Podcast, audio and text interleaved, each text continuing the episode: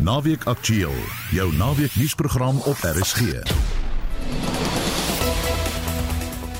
Goeiemiddag. In vandag se program, die Hooggeregshof in Johannesburg bevind dat alle ouers geregtig is op 4 maande ouerskap verlof. Die minister van Bosbou, Visserye en Omgewingsake, Barbara Krisi, sê Suid-Afrika is steeds daartoe verbind om klimaatsverandering te takel.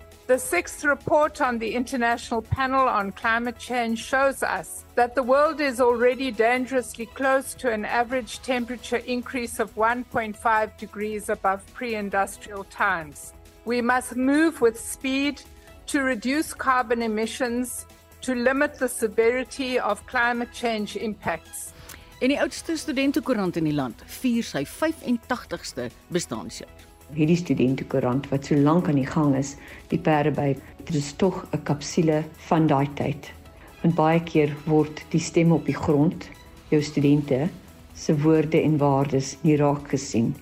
Welkom by Naweek Aktueel. Die span is vandag die uitvoerende regisseur Nicoline de Wee, redakteur Veronique van Heiningen, produksieregisseur Daitrin Godfrey en ek is Marieta Kreer. Jy luister na Naweek Aktueel elke Saterdagmiddag tussen 12 en 1. Is nou 6 minute oor 12. Bestaande arbeidswetgewing diskrimineer teen ouers op grond van geslag ten opsigte van ouerskapverlof. Dit is ingevolge 'n beslissing deur die Hooggeregshof in Johannesburg wat bevind het dat alle ouers geregtig is op 4 maande ouerskapverlof. Dit sluit in biologiese maans en paans die wat 'n surrogaat gebruik het en die wat 'n kind aangeneem het. Die hof het bevind dat die huidige wet ongrondwettig is en het die parlement beveel om die wet op basiese diensvoorwaardes binne die volgende 2 jaar te wysig. Ons praat nou verder hieroor met Johan Botus. Johan is die hoof van arbeidsreg by die internasionale regsfirma Baker McKenzie. Goeiemôre Johan. Môre Mariet. Die kern van hierdie saak lyk dit vir my lê by gelyke behandeling van ouers. Kan jy vir ons in 'n neutedop verduidelik waar die bestaande wet in die verband diskriminerend is? Sekerlik. So die wet op uh uh, uh basiese diensvoorwaarde ehm um, gee vir ouers ehm um, voorgeskrewe verlof. En daai wet is in 2018 verander wat uh, in 2020 van uh um, van toepassing geword het om om basies ouerskapverlof te gee nie net aan vrouens wat uh, swanger is en geboorte skenk nie, maar ook om te erken dat daar ander ehm um, ouerskapreëlings is soos surrogaatreëlings uh ehm um, uh, aangenome uh kinders uh, ouers wat uh, kinders aanneem en om dan geleenthede te skep vir sulke ehm um, sulke reëlings, sulke ouers om ook 'n uh, reg te hê om tyd af te vat van die werk want hierdie is als in die konteks van wat gebeur in die werksplek. Hmm. En natuurlik die pa, die pa kan ook kry. In, inderdaad, dit is van van 2020 af kan uh, kan 'n vader weet wat ehm um, uh, wie se vrou geboorte geskenk het aan 'n kind ook uh um aansoek doen in in uh, vir verlof by die werk en in terme van die wet op basiese diensvoorwaarde geregtig is op sulke verlof. Maar daar is 'n verskil tussen die hoeveelheid tyd wat 'n uh, 'n pa kan afkry van die werk versus uh, teenoorgestelde die die die ma. Mm. So 'n ma is ge, is geregtig op 4 maande se swangerskapverlof terwyl 'n vader slegs 10 dae kan kry nadat die wet gewysig is in 2020. En dit is die die situasie wat ehm um, toe voor die Hooggeregshof uitgespeel het waar 'n uh, 'n ouerskap 'n uh, 'n paartjie 'n uh, 'n pa en ma aansoek gedoen het en gesê die wet diskrimineer onbillik teenoor die vader in daai verhouding omdat die vader nie die 4 maande verlof kan neem nie maar hy gedwing word om net 10 dae te kan afvat by die werk terwyl sy vrou 4 maande kan neem en in die feite daar het hulle gesê dit is onbillik en dis wat die hof oorbesin het mm -hmm. Johan is ek reg as ek sê Die huidige wet maak voorsiening vir 4 maande onbetaalde kraamverlof wat tydens die vrou by die werkloosheidsversekeringsfonds, die WVF, kan eis. Gaan dit dan nou voortaan vir beide pa en ma geld? Korrek, so die die drie kategorieë van ouerskapverlof wat ehm um, wat biologiese maas uh, maas aanbetref, wat surrogaat maas aanbetref en wat uh um, kinders en uh, of ouers in aangeneme ehm um, uh, verhoudings aanbetref. Al drie daai kategorieë tans en in alle billikheid ehm um, in, in terme van die van die uh van die hof se bevinding ook sal nog steeds onbetaald wees. So ouers in daai verhoudings kan kan tans en sal in toekoms nog steeds kan eis by die werkloosheidsversekeringsfonds vir die die feit dat hulle nie geregtig is statutêr op betaling van hulle werkgewer nie. Natuurlik baie progressiewe werkgewers betaal hulle ehm um, hulle werknemers mm. in elk geval mm. nie teenstaande die feit dat die wet op basis diensvoorwaardes nie 'n statutêre verpligting op die werkgewer sit om uh om hulle werknemers te betaal daarvoor nie. Maar ehm um, die die posisie is inderdaad dat in indien jy ouerskap verlof neem of dit nou die huidige 4 maande is vir uh vir swanger moeders of dit vir 'n surrogaat of 'n aangenome uh, verhouding is. Mm. Daai verlof is statutêr onbetaald, maar met 'n met 'n reg om 'n gedeelte daarvan terug te eis in terme van die werkloosheidsversekeringsfonds. Johan die nasionale werkgewersvereniging NIASA voer aan dat die hof se beslissing nadelig sal wees vir ondernemings. Hoekom is hulle bekommerd? Ja, ek ek ek het ehm um, ek het ek het gelees na ehm um, hulle hoe hoe, hoe regter ehm um, Sutherland hulle uh, argumente opgesom het in in die in die uitspraak. Mm. In in wese sê hulle soos die uh, die minister van arbeid dat weet daar sou 'n proses gevolg deur Netlek waarin die partye ehm um, arbeid, besigheid en die regering besin het oor hierdie hele aangeleentheid en in, in 2018 en in 2020 nou die wetgewing gewysig het soos dit nou staan en dat dit 'n kompromis is tussen die partye om te sê hierdie ding kan werk ek ek moet vir jou sê ek is nie oortuig dat dit 'n 'n haalbare argument is nie. En die regter was sekerlik nie oortuig daaroor eh, ook nie. Die die wese van hulle eh, bekommernis is dit plaas 'n addisionele 'n eh, beperking op werkgewers se se se se ehm die die die die, die buigsaamheid wat hulle het in die werksplek oh, ja. om hulle uh, om hulle om hulle um, om hulle arbeidsmag te kan beheer en dit plaas addisionele koste op hulle want nou gaan jy 'n uh, vader hê wat vir 4 maande kan mm. tyd afvat en alhoewel jy hom nie hoef te betaal nie gaan jy iemand moet kry wat in sy plek dan sy werk kan doen. So ek dink die bekommernis gaan oor die ekonomiese impak op besighede. Mm. Maar daar's 'n teenvoeter vir daai argument ook en daar's baie goeie ehm um, navorsing uh, wat wat aandui daarop dat tot 80% van die geslagsloongaping kan ons terugtrek en is te verwyte aan die die swangerskap uh uh boete wat vrouens moet betaal wanneer hulle wanneer hulle op swangerskap gaan en daarna moet terugkeer in die werk. So ek glo uh konseptueel gaan werkgewers alself ook kan kan baat vind by 'n uh, uh, verandering in in hierdie wetgewing uh as ons as ons vorentoe kyk want dit is iets wat uh, ons ons uh daadwerklik kan gebruik om om hierdie geslagsloongaping te adresseer, iets waarmee ons worstel en wat in meeste werkplekke nog steeds bestaan, nie teenstaande ons uh, ons beste uh, uh, uh, efforts in daai geval nie. Mm. Ek moet jou sê, ons het nou 'n bietjie seker sê so 'n minuut om te praat. Ek wil vinnig vir jou vra, die parlement het nou 2 jaar om die wet te wysig. So wat is die volgende stap nou, Johan? Ja, die grondwetlike hof moet nou moet nou hierdie bevinding bevestig. So die die minister het al klaar aangedui dat hulle die die ehm um, bevel sal appeleer. So ek glo dit sal voor die grondwetlike hof ehm um, binnekort ehm um, geplaas word. Dan dan moet dan moet daai hof besin of regter Sutherland reg was of verkeerd was. Ek glo daar's meriete in die regter se uitspraak en ek sal ek sal graag wil sien dat die grondwetlike hof dit, dit wel bevestig. Dan sal die wetgewer parlement sal dan binne 'n uh, aangeskrewe tydperk 2 jaar sal hulle die die wet moet wysig en daai gewysigde wet sal dan van toepassing word op die ehm um, uh, op op werkgewers. Ehm um, die die die hof kan sê kan 'n interim bevel ook maak en sê van nou af totdat die wetgewer dit verander, weet dit is wat moet gebeur, maar ek glo soos wat soos al gebeur het met verskeie uh ander voorbeelde in die verlede, sal die grondwetlike hof die die wetgewer 'n tydperk gee om die wet in lyn te bring met die grondwet. Mm. Johan baie dankie vir jou tyd. Dit was Johan Botus, die hoof van arbeidsreg by die internasionale regsfirma Baker McKenzie. Nou jy heeltemal anders. Die minister van water en sanitasie, Senzo Mchunu, sê samewerking tussen Suid-Afrika en Nederland oor waterbestuur is van kardinale belang om watersekerheid te bevorder. Hy sê die Nederlanders is wêreldwyd bekend vir hulle kundigheid op die gebied. Die koning van Nederland, Willem-Alexander en koningin Maxima het verlede week saam met Mjuno die Blesbok spruit vlei-land in Ekurhuleni aan die Gautengse Oosrand besoek. Vincent Mofokeng. Die Blesbok spruit vlei-land is 'n waterprojek wat Suid-Afrika en Nederland tans onder die vaandel Blue Deal South Africa program implementeer.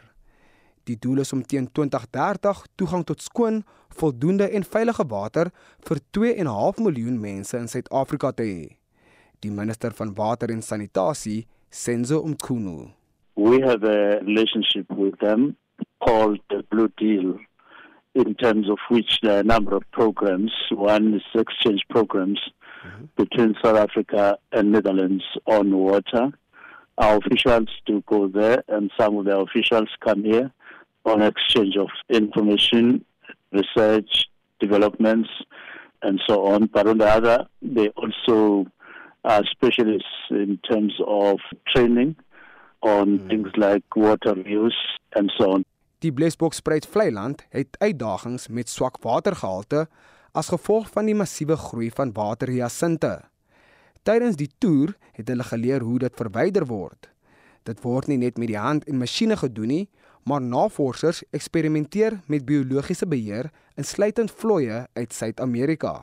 Was particularly focused on a project that they are co-funding on that big wetland that is a tributary to the Vaal. Its life and the species there is very important to the tributary to keep everything alive and it's under attack from this plant that is damaging the that looks like algae, I forget its name, and uh, we're cleaning because it destroys oxygen that interferes with other species there.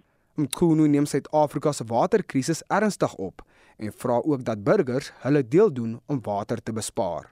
The main thing is that things like high water consumption by households yeah. via watering and uh, via things like um, washing cars and all of that are, are a great concern to us because yeah. we're a water scarce country and we're urging everybody to use water sparingly. But we're also urging municipalities and we have a program with them of closing leaks And the third thing is to build infrastructure, especially reservoirs, yes. so that we have much more water stored in case anything happens. Let's store water and so on. Mkhunu sê dat burgers die reg het om raadslede en munisipaliteite op hulle tone te hou om waterlekke spoedig reg te maak.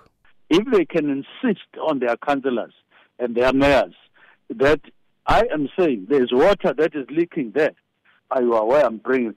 They will have played a critical role because as we, talk, as we talk, non-revenue water, that is water that is pumped to people but they don't pay. It involves water that is connected illegally.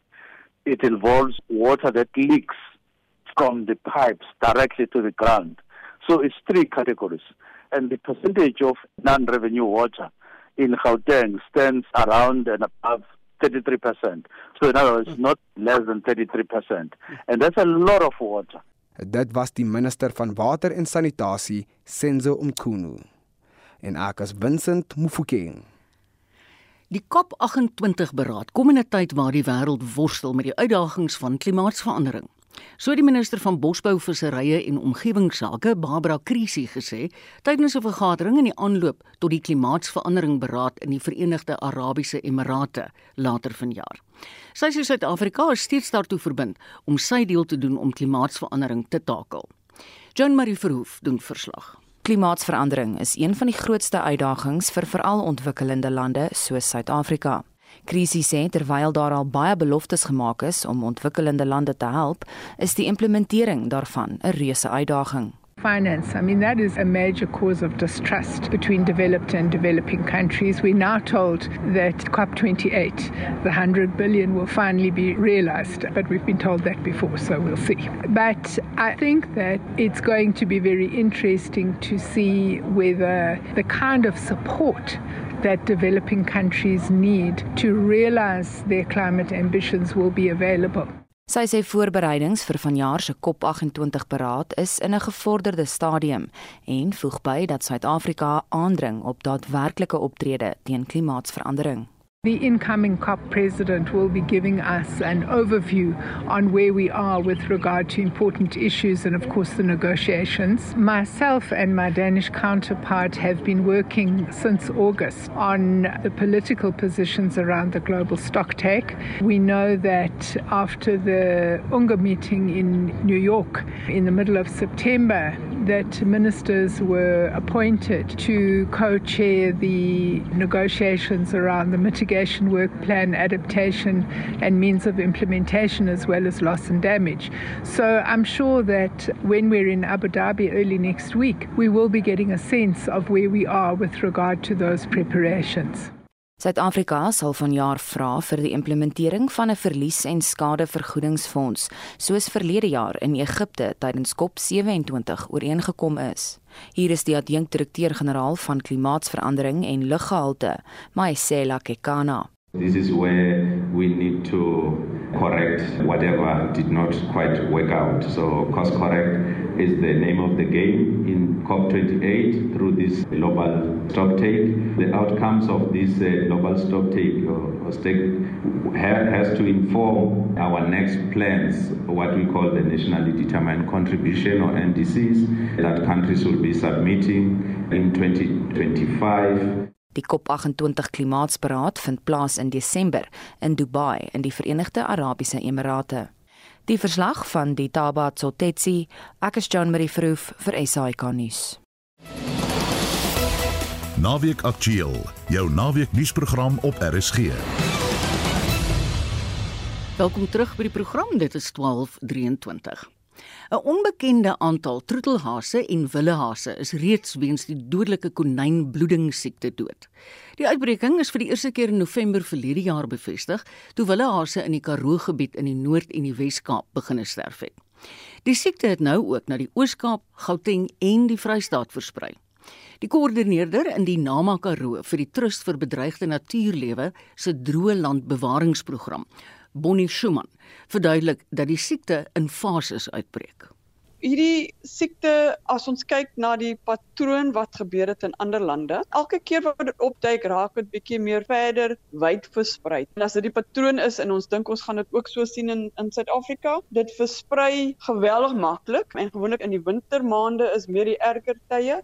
Skuman sê daar is 'n enstof teen die siekte, maar dat dit in hierdie stadium nie in Suid-Afrika beskikbaar is nie. Die probleem op die oomblik is die enstof wat wel ingevoer is, is 'n beperkte hoeveelheid en hy's baie duur en die, die produk is nie geregistreer nie, so hy kan nie oor die algemeen ingevoer word deur meer as een maatskappy op die oomblik nie. So die maatskappy het aansoek gedoen, spesiale toestemming en 'n beperkte hoeveelheid in te bring. En dit gaan jou, soos wat ek verstaan, kos dit jou enigiets tussen 600 en 900 rand om jou konyntjie in te ent en dit moet jy elke jaar doen. Sy verduidelik dat wanneer 'n konyn simptome begin wys, is dit reeds te laat. Simptome is dat die konyntjie nie bietjie lekker lyk nie, of miskien nie eet of so nie. Ag gesit hy kry bietjie vir 'n temperatuur en hulle praat in Engels uit ook wat 'n sudden death.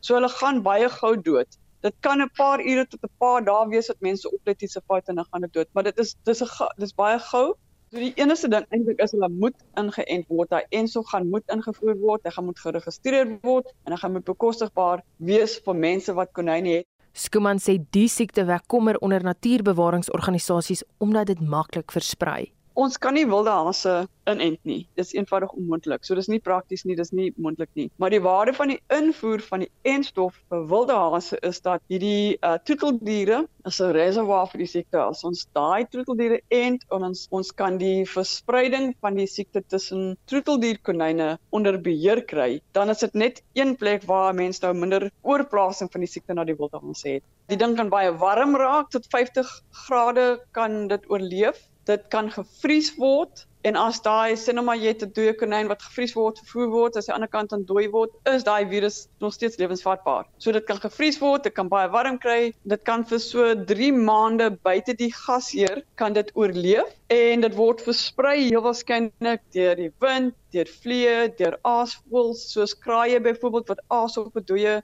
haas en dan vlieg na 'n ander area toe. Mense wat deur die veld stap, ouens wat lucerne baal in areas waar die siekte onder die wilde hase is, kan daai siekte kan met daai lucernbare versprei word. So dis omtrent onmoontlik om hierdie ding te bekamp deur te probeer sê okay, ons gaan nou op 'n manier kwarantyne doen.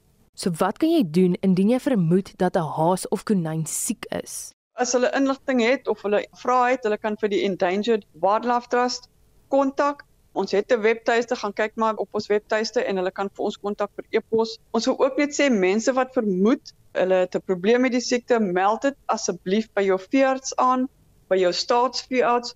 Hoe meer mense dit aanmeld, hoe meer inligting kan ons kry in terme van hierdie ding ten minste karteer en verstaan waar is dit, hoe vinnig dit versprei en so aan. Maar dis ten minste weet wat aangaan. Dit dan die koördineerder in die Nama Karoo vir die Trust vir Bedreigde Natuurlewe se droë landbewaringsprogram Bonnie Skooman. Ek's aan my Eckart vir SAK nuus. 'n Suid-Afrikaner is deel van 'n internasionale span van kundiges op 'n nuut saamgestelde kommissie vir die voorkoming van virale oordrag. Die doelwit is om 'n plan te ontwikkel om die risiko's van virusoordrag tussen mens en dier te verminder. Dis glo die oorsaak van die meeste pandemies. Professor Wanda Markotter is 'n kundige in zoonotiese siektes aan die Universiteit van Pretoria. Sy verduidelik wat gebeur as 'n virus oorspoel van 'n dier na 'n mens. So as mens praat van virale oorspoeling, ons het hierdie groot hoeveelheid virusse en dit kan selfs ander patogene wees wat in die natuur voorkom, baie keer in diere en baie keer in wild spesies. En dan daai virusse kan oorgaan na mense toe of dit kan oorgaan na diere toe. En dit is wat ons virale oorspoeling noem. So dis daai eerste keer wat daai virus oorgaan van hierdie natuurlike bron na mense of na ander diere toe en dan veroorsaak dit groot chaos en maak mense en diere baie siek. Wanneer ek sien dat jy noem die grieppandemie pandemie van 1918 het dit oorgespoel noodwendig van 'n dier af Die virusse kan van verskillende plekke afkom. Spesifiek met van die griepgoed is daar verskillende oorspronge soos byvoorbeeld wat ons nou sien met voëlgriep, dit kom van willevoëls af. Van die vorige pandemies was dit 'n mengsel van virusse wat byvoorbeeld 'n vark, 'n mens en 'n dierevirus in dieselfde bron was en toe maak hulle 'n nuwe virus. So daar's verskillende maniere wat dit kan gebeur. Baie keer kom dit van vleermuise af, ander keer weer van 'n rot af dit kan selfs van beeste en van pluimvee afkom. So daar's verskillende bronne wat dit van afkom. Jy is nou deel van 'n Lancet kommissie vir die voorkoming van virale oorspoeling. Dis nou 'n wêreldwye span.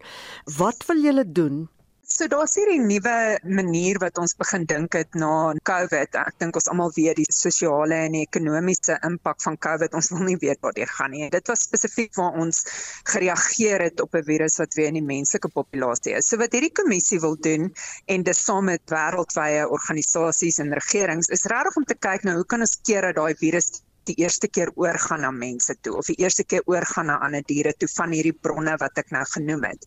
So dit gaan nie net oor die virus nie. Dit gaan regtig oor wat is die faktore wat maak dat dit oorgaan. So hier praat ons van goed soos klimaatsveranderinge, die manier wat ons stede ontwikkel en wat ons in areas in beweeg waar ons begin meng met diere waar ons nie voorheen gemeng het nie. As ons kyk na nie skoon water nie, nie oordentlike veilige kos nie, ons intensifisering van hoe ons met diere boer en nie nie goeie biosekuriteit het nie.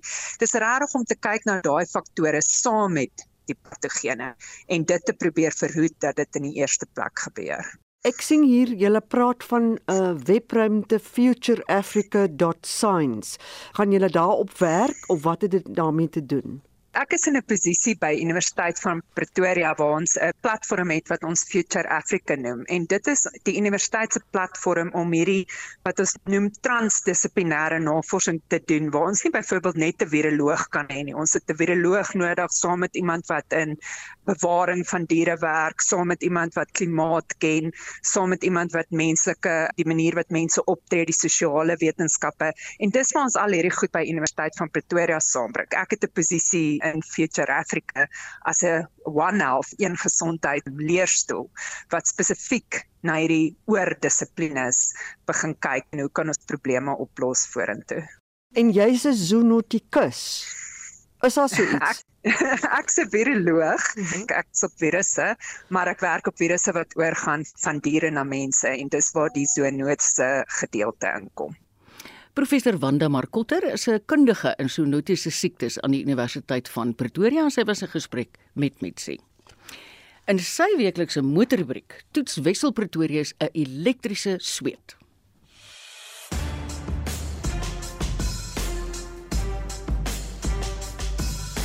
Volvo het onlangs sy C40 Recharge plaaslik bekend gestel, 'n vol elektriese sportnuts.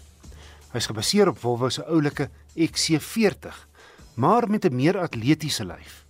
Die grootste verskil agterlangs waar die C40 'n coupe-agtige daklyn het. Ook unieke 20-duim alloy wiele en 'n soliede toe-sierrooster wat daarop dui dat die 'n BEV is of dan 'n battery-elektriese voertuig. 'n aantreklike voorkoms en so ook in die kajuit. Die paneelbord wemel van die tegnologie, maar dit word logies, minimalisties en elegant aangebied. Die sentrale skerm werk ook met stembevele. As jy byvoorbeeld die ligversorging wil aanskakel, 'n radiostasie kies, 'n bestemming vir die navigasiestelsel wil gee of die naaste laaistasie soek. So jy hoef nie jou oë gedurig van die pad te haal nie. Ruimtebenutting is heel goed vir passasiers en bagasie en jy het ekstra pakplek voor in die snoet langs die laaikabel. Interessant, Volvo gebruik volhoubare, herwinde, leervrye materiale vir die afwerking van die binneruim. Hierdie Ultimate model kom met luukses soos 'n puik klankstelsel, verhitbare voor- en agtersitplekke, 'n panoramiese sondak en tipies Volvo 'n magdom aktiewe en passiewe veiligheidskenmerke. Hoewel hy doodstil loop, is hier bedrieglik baie krag. 300 kW en 660 Nm met al die wringkrag onmiddellik beskikbaar. Cars.co.za het 0 na 100 in 'n blitsige 4,8 sekondes kaf gedraf. En kaarttydskrif 4,9 of dan 'n volle sekonde en 'n half vinniger as Cars se 0 na 100 tyd met die Golf GTI. En selfs 0,1 sekonde vinniger as die tydskrif se loopie met die Golf R. Hy trek met al vier wiele. Hier is 'n elektriese motor op die voor en agteras en hy het 'n veldry modus. Grondvryhoogte is 'n substansiële 171 mm.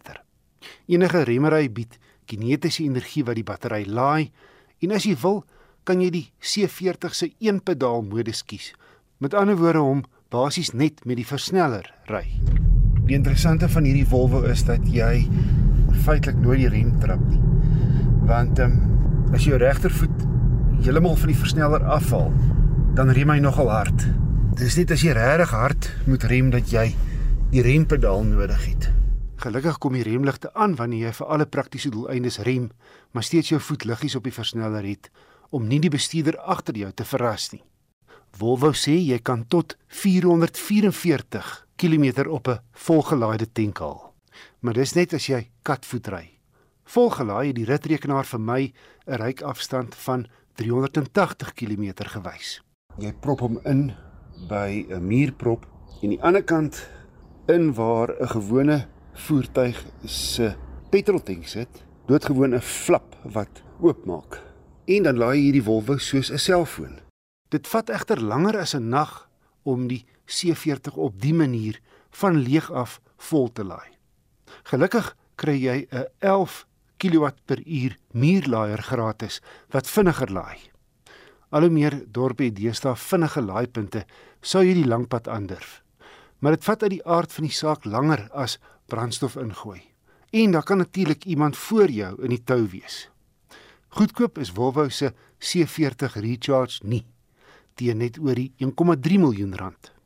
Maar hy het heelwat wat in sy guns stel, baie stylvol, blitsvinnig met 'n gerieflike luukse en hoë kwaliteit binneruim. Ongelukkig is invoerbelasting op elektriese voertuie 25% teenoor petrol en diesel voertuie se 18%. Verder is Suid-Afrika se laai-infrastruktuur nog onderontwikkeld. Terwyl beerdkrag natuurlik ook nog 'n bosluis in die slaai kan wees. Ja, bosluis is 'n oulike vergelyking. Die Universiteit van Pretoria se studentekoerant Parabay vier die maand sy 85ste bestaanjaar. Parabay se eerste uitgawe is destyds in 'n sonop koshuiskamer saamgestel, toe lede van die koshuis wou beswaar maak teen die universiteit se bestuur. Parabay word vandag nog in papierformaat gedruk hoewel dit slegs in Engels uitgegee word. Die departementshoof van Tukkie se departement historiese en erfenisstudies, professor Karen Harris, sê die universiteit se argief het onlangs elke enkele uitgawe van Parabay gedigitaliseer. Sy het vir Anne Marie Jansen van Vuren verduidelik waarom dit vir hulle van historiese belang is om dit te doen. As historikus beskou mens enige tydnoodlike bronne as belangrik. En in hierdie geval, 'n studentekoerant gee stem aan 'n ander element van die universiteitsliggaam.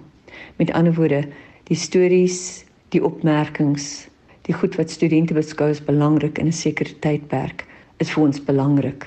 En natuurlik, as historikus, lees mens teen die grein en evalueer wat geskryf word, maar dit is tog 'n kapsule van daai tyd.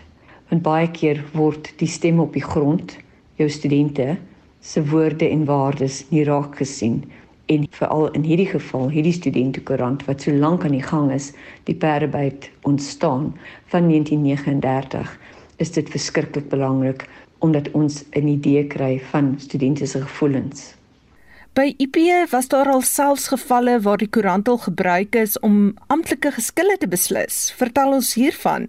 As 'n mens deur die blaaie van hierdie koerant kyk, is daar van alles geskryf. Dinge wat eintlik nie belangrik sou gewees het vir baie mense, het nou waarde as 'n mens terugkyk, 'n terugblik het op die verlede. So dit kan oor 'n sportsaak wees, dit kan oor 'n probleem in die strate wees soos parkering wat altyd 'n probleem was. En in een geval byvoorbeeld het die munisipaliteit 'n probleem gehad met die feit dat studente in sekere plekke parkeer en die universiteit het aangedui dat studente al jare, dekades eintlik in hierdie plekke parkeer en toe was die bewyse gevind in die Berby waar die studente geskryf het oor parkering. As 'n mens dink aan die onlangse onruste op die kampusse van 2016 af, was daar eintlik 'n gevoel dat hierdie is die eerste keer wat studente ooit iets gedoen het, ooit gereageer het teen wat aangaan op die kampus op in die wêreld of wat ook al. En as 'n mens terugblaai in die koerant in die Pardeby, sal 'n mens sien daar was gevalle voorheen waar studente opstandig geraak het en teen die universiteit se beleide en dinge opgetree het. So met ander woorde, dit gee vir jou perspektief oor wat aangaan. En dan as ons kyk na die epidemie, Dit was ook nie die eerste keer waar die studente moes huis toe gaan omdat daar nou 'n siekte was. As ons terugdink aan die siektes wat in die verlede gebeur het, die studente het daar geskryf. Hulle het briewe daar geskryf, hulle terugblikke gehad. En die tipe van ding gee vir ons insigte in wat in daai tyd gebeur het. So dit gee konteks, dit gee perspektief en soos ek sê, dit gee dan vir 'n mens 'n ander blik op 'n saak. Hoe het die universiteit se argief betrokke geraak by die Perby? Die Universiteit van Pretoria se argief is gestig in 1994 en van daai tyd af is alle versamelings bymekaar gebring en gepreserveer in die argief. En ons doen alles van tot die topstrukture van die universiteit tot die dosente se werk tot wat op die tuine gebeur, wat in die sport gebeur ensovoorts. So ons het 'n baie breedvoerige mandaat om die inligting oor die universiteit te versamel. En wat vir ons baie oulik was, is omdat hierdie koerant so lank aan die gang was. Universiteit is ons gestig in 1908 en van daai het studente beginne koerante en kripsels en tydskrifte gehad. Maar hulle ontstaan en dan het hulle weer gefaal. Maar met die perde by wat nou in 1939 soos ek gesê het gestig is, was daar so 'n soort van 'n volledige trant van daai tyd af. Die koerant het 'n bietjie opgehou in die oorlogtye vir 'n paar jaar, maar het weer aan die gang gekom. Was ander tye toe daar nou 'n bietjie van 'n probleem was met strukture en bekostiging van die universiteit se koerant wat daar ook so 'n bietjie van 'n stilte was, maar die algemeen het hy wel verskyn. So dit was 'n baie belangrike element vir ons dit vir ons 'n idee gegee van wat aangaan en omdat ons hom nou digitaliseer en ons maak hom soekbaar, is dit ongelooflik wat se inligting daar uitkom. Wanneer ons versoeke kry plaaslik en van oorsee, dan kan ons vinnig daar gaan kyk in hierdie geweldige waardevolle inventaris wat ons kollega Jean Pretorius Nel aan mekaar geslaan het om dan vir die publiek hierdie inligting kan deurgee. Selfs fotos word uit die bergwy gehaal as mense nou daai tipe van inligting soek. So dit is baie baie belangrik en is iets waarop ons baie trots is en ons is baie dankbaar aan die huidige redakteur Karel Willemse wat ons so ondersteun met hierdie projek. Maar dan selfs die studente wat werk op Perdeby kan nou selfs baie maklik navorsing kom doen by ons omdat dit soekbaar is met terme en inligting wat hulle soek. Is daar nog studentekoerante wat so 'n volledige argief het soos Perdby? Om die waarheid te sê, ek dink nie daar is 'n ander universiteit in die land wat 'n koerant het wat van die studente afkom wat so lank geskiedenis het. Sover ek weet, is die perde by die oudste en die een wat die langste aanhou. En omdat ons baie versoeke kry van ander universiteite om inligting soek juis oor studente lewe oor wat aangegaan het in die studente se sake, wys dit vir ons dat daar wel nie 'n ander koerant is wat so lank aan die gang is. So ek dink Tikkies kan baie trots wees op hierdie ongelooflike tydskrif wat die stem van ons studente liggaam so mooi saamvat. Dit was professor Kern Karen Harris, die hoof van historiese en erfenisstudies aan die Universiteit van Pretoria. En Anne Marie wat die vraag gevra het, maak geen fout nie, was self 'n redakteur van Pareby in 2006. Na die rasse herrie oor die Springbokspeler Bongi Mbonambi se kop uitgebreek het, het hy die naweek ondersteuning uit alle plaaslike oorde gekry, selfs van mobiele toepassings af. Die toepassing wat Suid-Afrikaners oor beerdkrag inlig, het die laaste deel van sy naam na die Afrikaanse woord gespel K A N T verander. So Jan Vermeulen, die redakteur van die tegniese tydskrif My Broadband aan Anne Marie verduidelik. Suid-Afrika se gunsteling toepassing Eskom se push het onlangs sy naam verander of eerder die naam wat vertoon word wanneer jy nou 'n push notification op jou foon ontvang wanneer daar nou 'n nuwe load shedding nuus uitkom, daai naam wat vertoon in die boodskap is verander na Eskom se kant toe en dis natuurlik 'n verwysing aan die hele drama wat die week uitgespeel het tussen Engeland Rugby, SA Rugby en Wêreld Rugby nadat aantuigings gebring is teen ons hakker Bongi Mbonambi dat hy klaarblyklik 'n rassistiese aanmerking gemaak het teenoor Britse speler Tom Curry. En dis nou hoekom hierdie toepassing wat gewoonlik as Eskom se PUSH Eskom se push bekend staan, nou hulle naam verander het na Eskom se kant, die Afrikaanse woord K A N T om dit te reflekteer. Die term rym met die Afrikaanse woord kant natuurlik en dis waar die speel op die woord vandaan kom en Suid-Afrikaners was baie vinnig om uit te wys dat die Springbokke baie Afrikaans op die veld gebruik en dat Mbonambi baie maklik besig was om te verwys aan die wit kant, die actual kleur. En dis waaroor Tom Curry se klag gaan is dat hy so uitgeskel is. Of dit kan natuurlik wit kant wees om 'n kontras te wees met die kort kant. So nou waarheen die spel beweeg het dalk deur die daardie beweging. En Mbonambi kon besig gewees het om vir sy spanmaats te sê gaan soontoe, gaan daar na toe, jy weet wydkant, wydkant, wydkant of dalk witkant, witkant. Mense weet nie. So Suid-Afrikaners was baie vinnig om uit te wys dit kon net 'n misverstand gewees het, maar tog het Wêreld Rugby 'n ondersoek ingestel. Hulle het gesê daar is nie genoeg bewyse om 'n klag te bring teen Mbonambi nie, maar en hulle het nie gesê hy's onskuldig nie, ongelukkig. En so die Britse pers en Engeland Rugby self het gesê hulle is teleurgestel deur Wêreld Rugby se aankondiging. Hulle wou meer gesien het en so natuurlik ongelukkig is die saak nie afgelos nie en die hele media sirkus gaan nog aan en dis hoekom Eskom se push se naamverandering so indruk gemaak het gister. Julle mense staan verstom met die oorspronklikheid van Suid-Afrika. Dit was Jan Vermeulen. Hy is die redakteur van die tegnologiebedryf tydskrif My Broadband. Dis kwart voor 1 en nou is dit tyd vir sportnuus. Hier is Shaun Jooste. Vir die eerste keer in 28 jaar pak Suid-Afrika en Nieu-Seeland mekaar weer in die Rugby Wêreldbeker eindstryd. Beide spanne is op soek na hulle 4de wêreldtitel en dit beloof om 'n titaniese stryd te wees. In 105 toetse het die All Blacks 62 en Suid-Afrika 39 gewen en uit 5 wêreldbeker wedstryde loop Nieu-Seeland 3-2 voor. Twee interessante statistieke. Suid-Afrika het nog nooit 'n wêreldbeker eindstryd verloor nie en die span wat teen rustyd voor was, het elke keer die trofee gelig. Engeland se Wayne Barnes is die skeieregter. Die kragmeting skop vanaand 9uur op Stade Français in Saint-Denis in Parys af. RSG saai die wedstryd regstreeks uit. Engeland het gisteraand 26-23 teen Argentinië in die bronsfinaal geseëvier.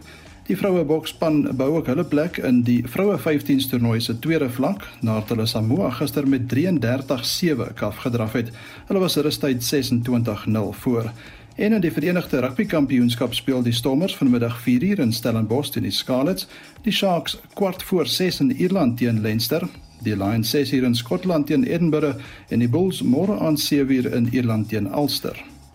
Oor na die cricketveld. Suid-Afrika het 'n nabystryd teen Pakistan gister met 1 paltjie gewen. Pakistan het 270 op die tellbord geplaas en Suid-Afrika eindig op 271 vir 9 met die draaibouler Keshav Maharaj wat die wenlopies aangeteken het. Aiden Makram met 91 lopies gemoker en Terry Shamsi spog met 4 paltjies. Die Proteas is voorlopig bo aan die punteleer. Vandag se groot wedstryd is tussen Australië en Nieu-Seeland. Die swart pette het die lood vanoggend gewen en Australië gevra om eerste te golf. Die Aussies het 388 in hul 50 balbeurte op die tellbord geplaas. Die drie groot kragmetings op die sokkerveld is vanmiddag 3 uur in die DStv Premierliga Golden Arrows teen Kaizer Chiefs. Dan kom Mamelodi Sundowns môre 3 uur in die Afrika Sokkerliga se halfeindronde in die eerste been teen Al Ahly van Egipte te staan en in die Engelse Premierliga is dit Sondag 06:30 die Manchester Derby tussen United en City. Ons herinner graag dat die Hokkie Afrika Olimpiese kwalifikasietoernooi môre by die Universiteit van Pretoria begin. Die wenners kwalifiseer vir Parys 2024. Suid-Afrika se mans en vroue spanne is in groep A saam met Nigerië en Zimbabwe en die mans kry Uganda by in hulle groep. En laastens, die Netball Proteas speel môreoggend 8uur Suid-Afrikaanse tyd in hulle tweede wedstryd teen die Aussies. Hulle het die eerste wedstryd 62-43 verloor. Shaun Schuster met vandag se sportnuus in Naweek Aktueel. Ons bly by sport. Die Blacks sê hulle sal vir hulle beste vertoning van die jaar moet sorg as hulle die Springbokke vanaand in die eindstryd van die Wêreldbeker toernooi in Parys wil klop. Albei spanne wil die geskiedenisboeke by Stade France herskryf. Die wenner van die kragmeting sal die eerste word om die Webb Ellis beker vir 'n vierde keer te lig. Liesel Olivier doen verslag. 'n Epiese stryd tussen rugby se twee grootes word verwag. Albei spanne is 3 malige wêreldkampioene en albei wil as die beste nog gekroon word. Die All Blacks het net twee veranderinge aan hulle 23-tal vir die kragmeting aangebring. Die slot Brody Retallick is terug in die beginspan met Sam Whitelock wat hom by die plaasvervangers aansluit. Die vaskopstit Nipola Lala vervang Fletcher Neal op die bank. Die afrigter, Ian Foster, sê hy glo dit is die beste groep vir die geleentheid.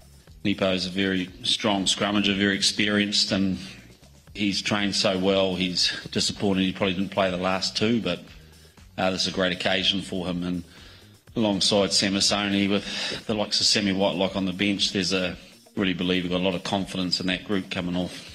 Die Nieu-Seelanders sê hulle die afgelope week met verskeie emosies gestoei. Hulle is ook dankbaar vir die ondersteuning en wil nie hulle aanhangers teleurstel nie. Dealing with all the messages we're getting from home and even people in France have been massive and I have to thank them for an awesome support that we've had from, from the local people too. But managing all that so that we can just go out, put a smile on our face and play our game. And that's what we're focusing on. There's two great teams out there, different styles. They're great at their style, we want to be great at ours. Die kaptein Sam Kane sê die spelers weet net hulle beste gaan goed genoeg wees teen die verdedigende kampioene. Each week we're trying to get better and we're going to have to be at our very best on Saturday night, defensively and attackingly and attacking. So yeah, that's our mindset. We're going to have to put out the the best performance we have all year and if we do that then we'll give ourselves a good shot. Ses Nieu-Seelanders in die 23-tal het al die wêreldbeker verower. Hulle het in altesaam 1387 toetse gespeel en is daarom die mees ervare All Black groep wat nog in enige van 5 wêreldbekerfinale in aksie was. Ek is Liesel Olivier vir SAK nuus in Johannesburg. Ja, ons sit almal hier onder die redaksie en gesels oor wat gaan vanaand gebeur. Ek meen ons het nou opgebou hierdie hele week van die vorige wedstryd af. En 'n mense sê ek hoor iemand van die luisteraars het vanoggend gesê ons is opgewonde, maar ons is gespanne, ons is senuweeagtig. In Liesel se pakkie net nou sê sy dieselfde is die gevoelens wat deur die Nieu-Seelandse rugby spelers gaan. En mense kan dit verstaan. Ek meen ek is net so bly dat ek wat vanaand daar moet optree nie. Maar ons hou duim vas. Ons hou duim vas. Kan julle die rolprent Invictus onthou? Nou uit sy klankbaan het ons World in Union deur die groep Overtone met Jolandi Norke as hoofsanger. En hoe trots was ons nie destyds toe Clint Eastwood hierdie fliek Invictus gemaak het nie. Dit was die Overtown groep met Jolandi Norke as hoofsanger met World in Union. En mag dit tog iets soos dat ons maandagooggend vir mekaar kan sê almal in hierdie land staan saam. Ons is ook 'n wêreld wat by mekaar staan. Ek groet namens vandag se span. Uitvoerende regisseur is Nicoline de Wee, vandag se redakteur Veronique van Heiningen, ons produksieregisseur Daitron Godfrey. Ek is Marieta Kreerentini dat ons maandag gesels, ons sal ons nou weet wat gaan vir wat, maar hou, hou sene wees hou. Bokke, almal in Suid-Afrika, as ek so geluister het deur die oggend se uitsendings van luisteraars wat boodskappe ingestuur het, Johan se program wat gegaan het oor reis. Daar's nie 'n mens in hierdie land wat nie vanaand die bokke ondersteun nie. Ek het gister gehoor Willem praat met twee vrouens daar aan die suidkus wat blykbaar vir die uh, All Blacks skree en hy het hulle aangepraat, ernstig aangepraat, gesê hulle moet nou besluit waar is hulle prioriteit. maar in elk geval as dit jou span is en ek vir jou part hulle wen dan, dan is dit reg so, maar ek glo daarmee oorgroot meerderheid is bok ondersteuners. Tot volgende keer, totsiens.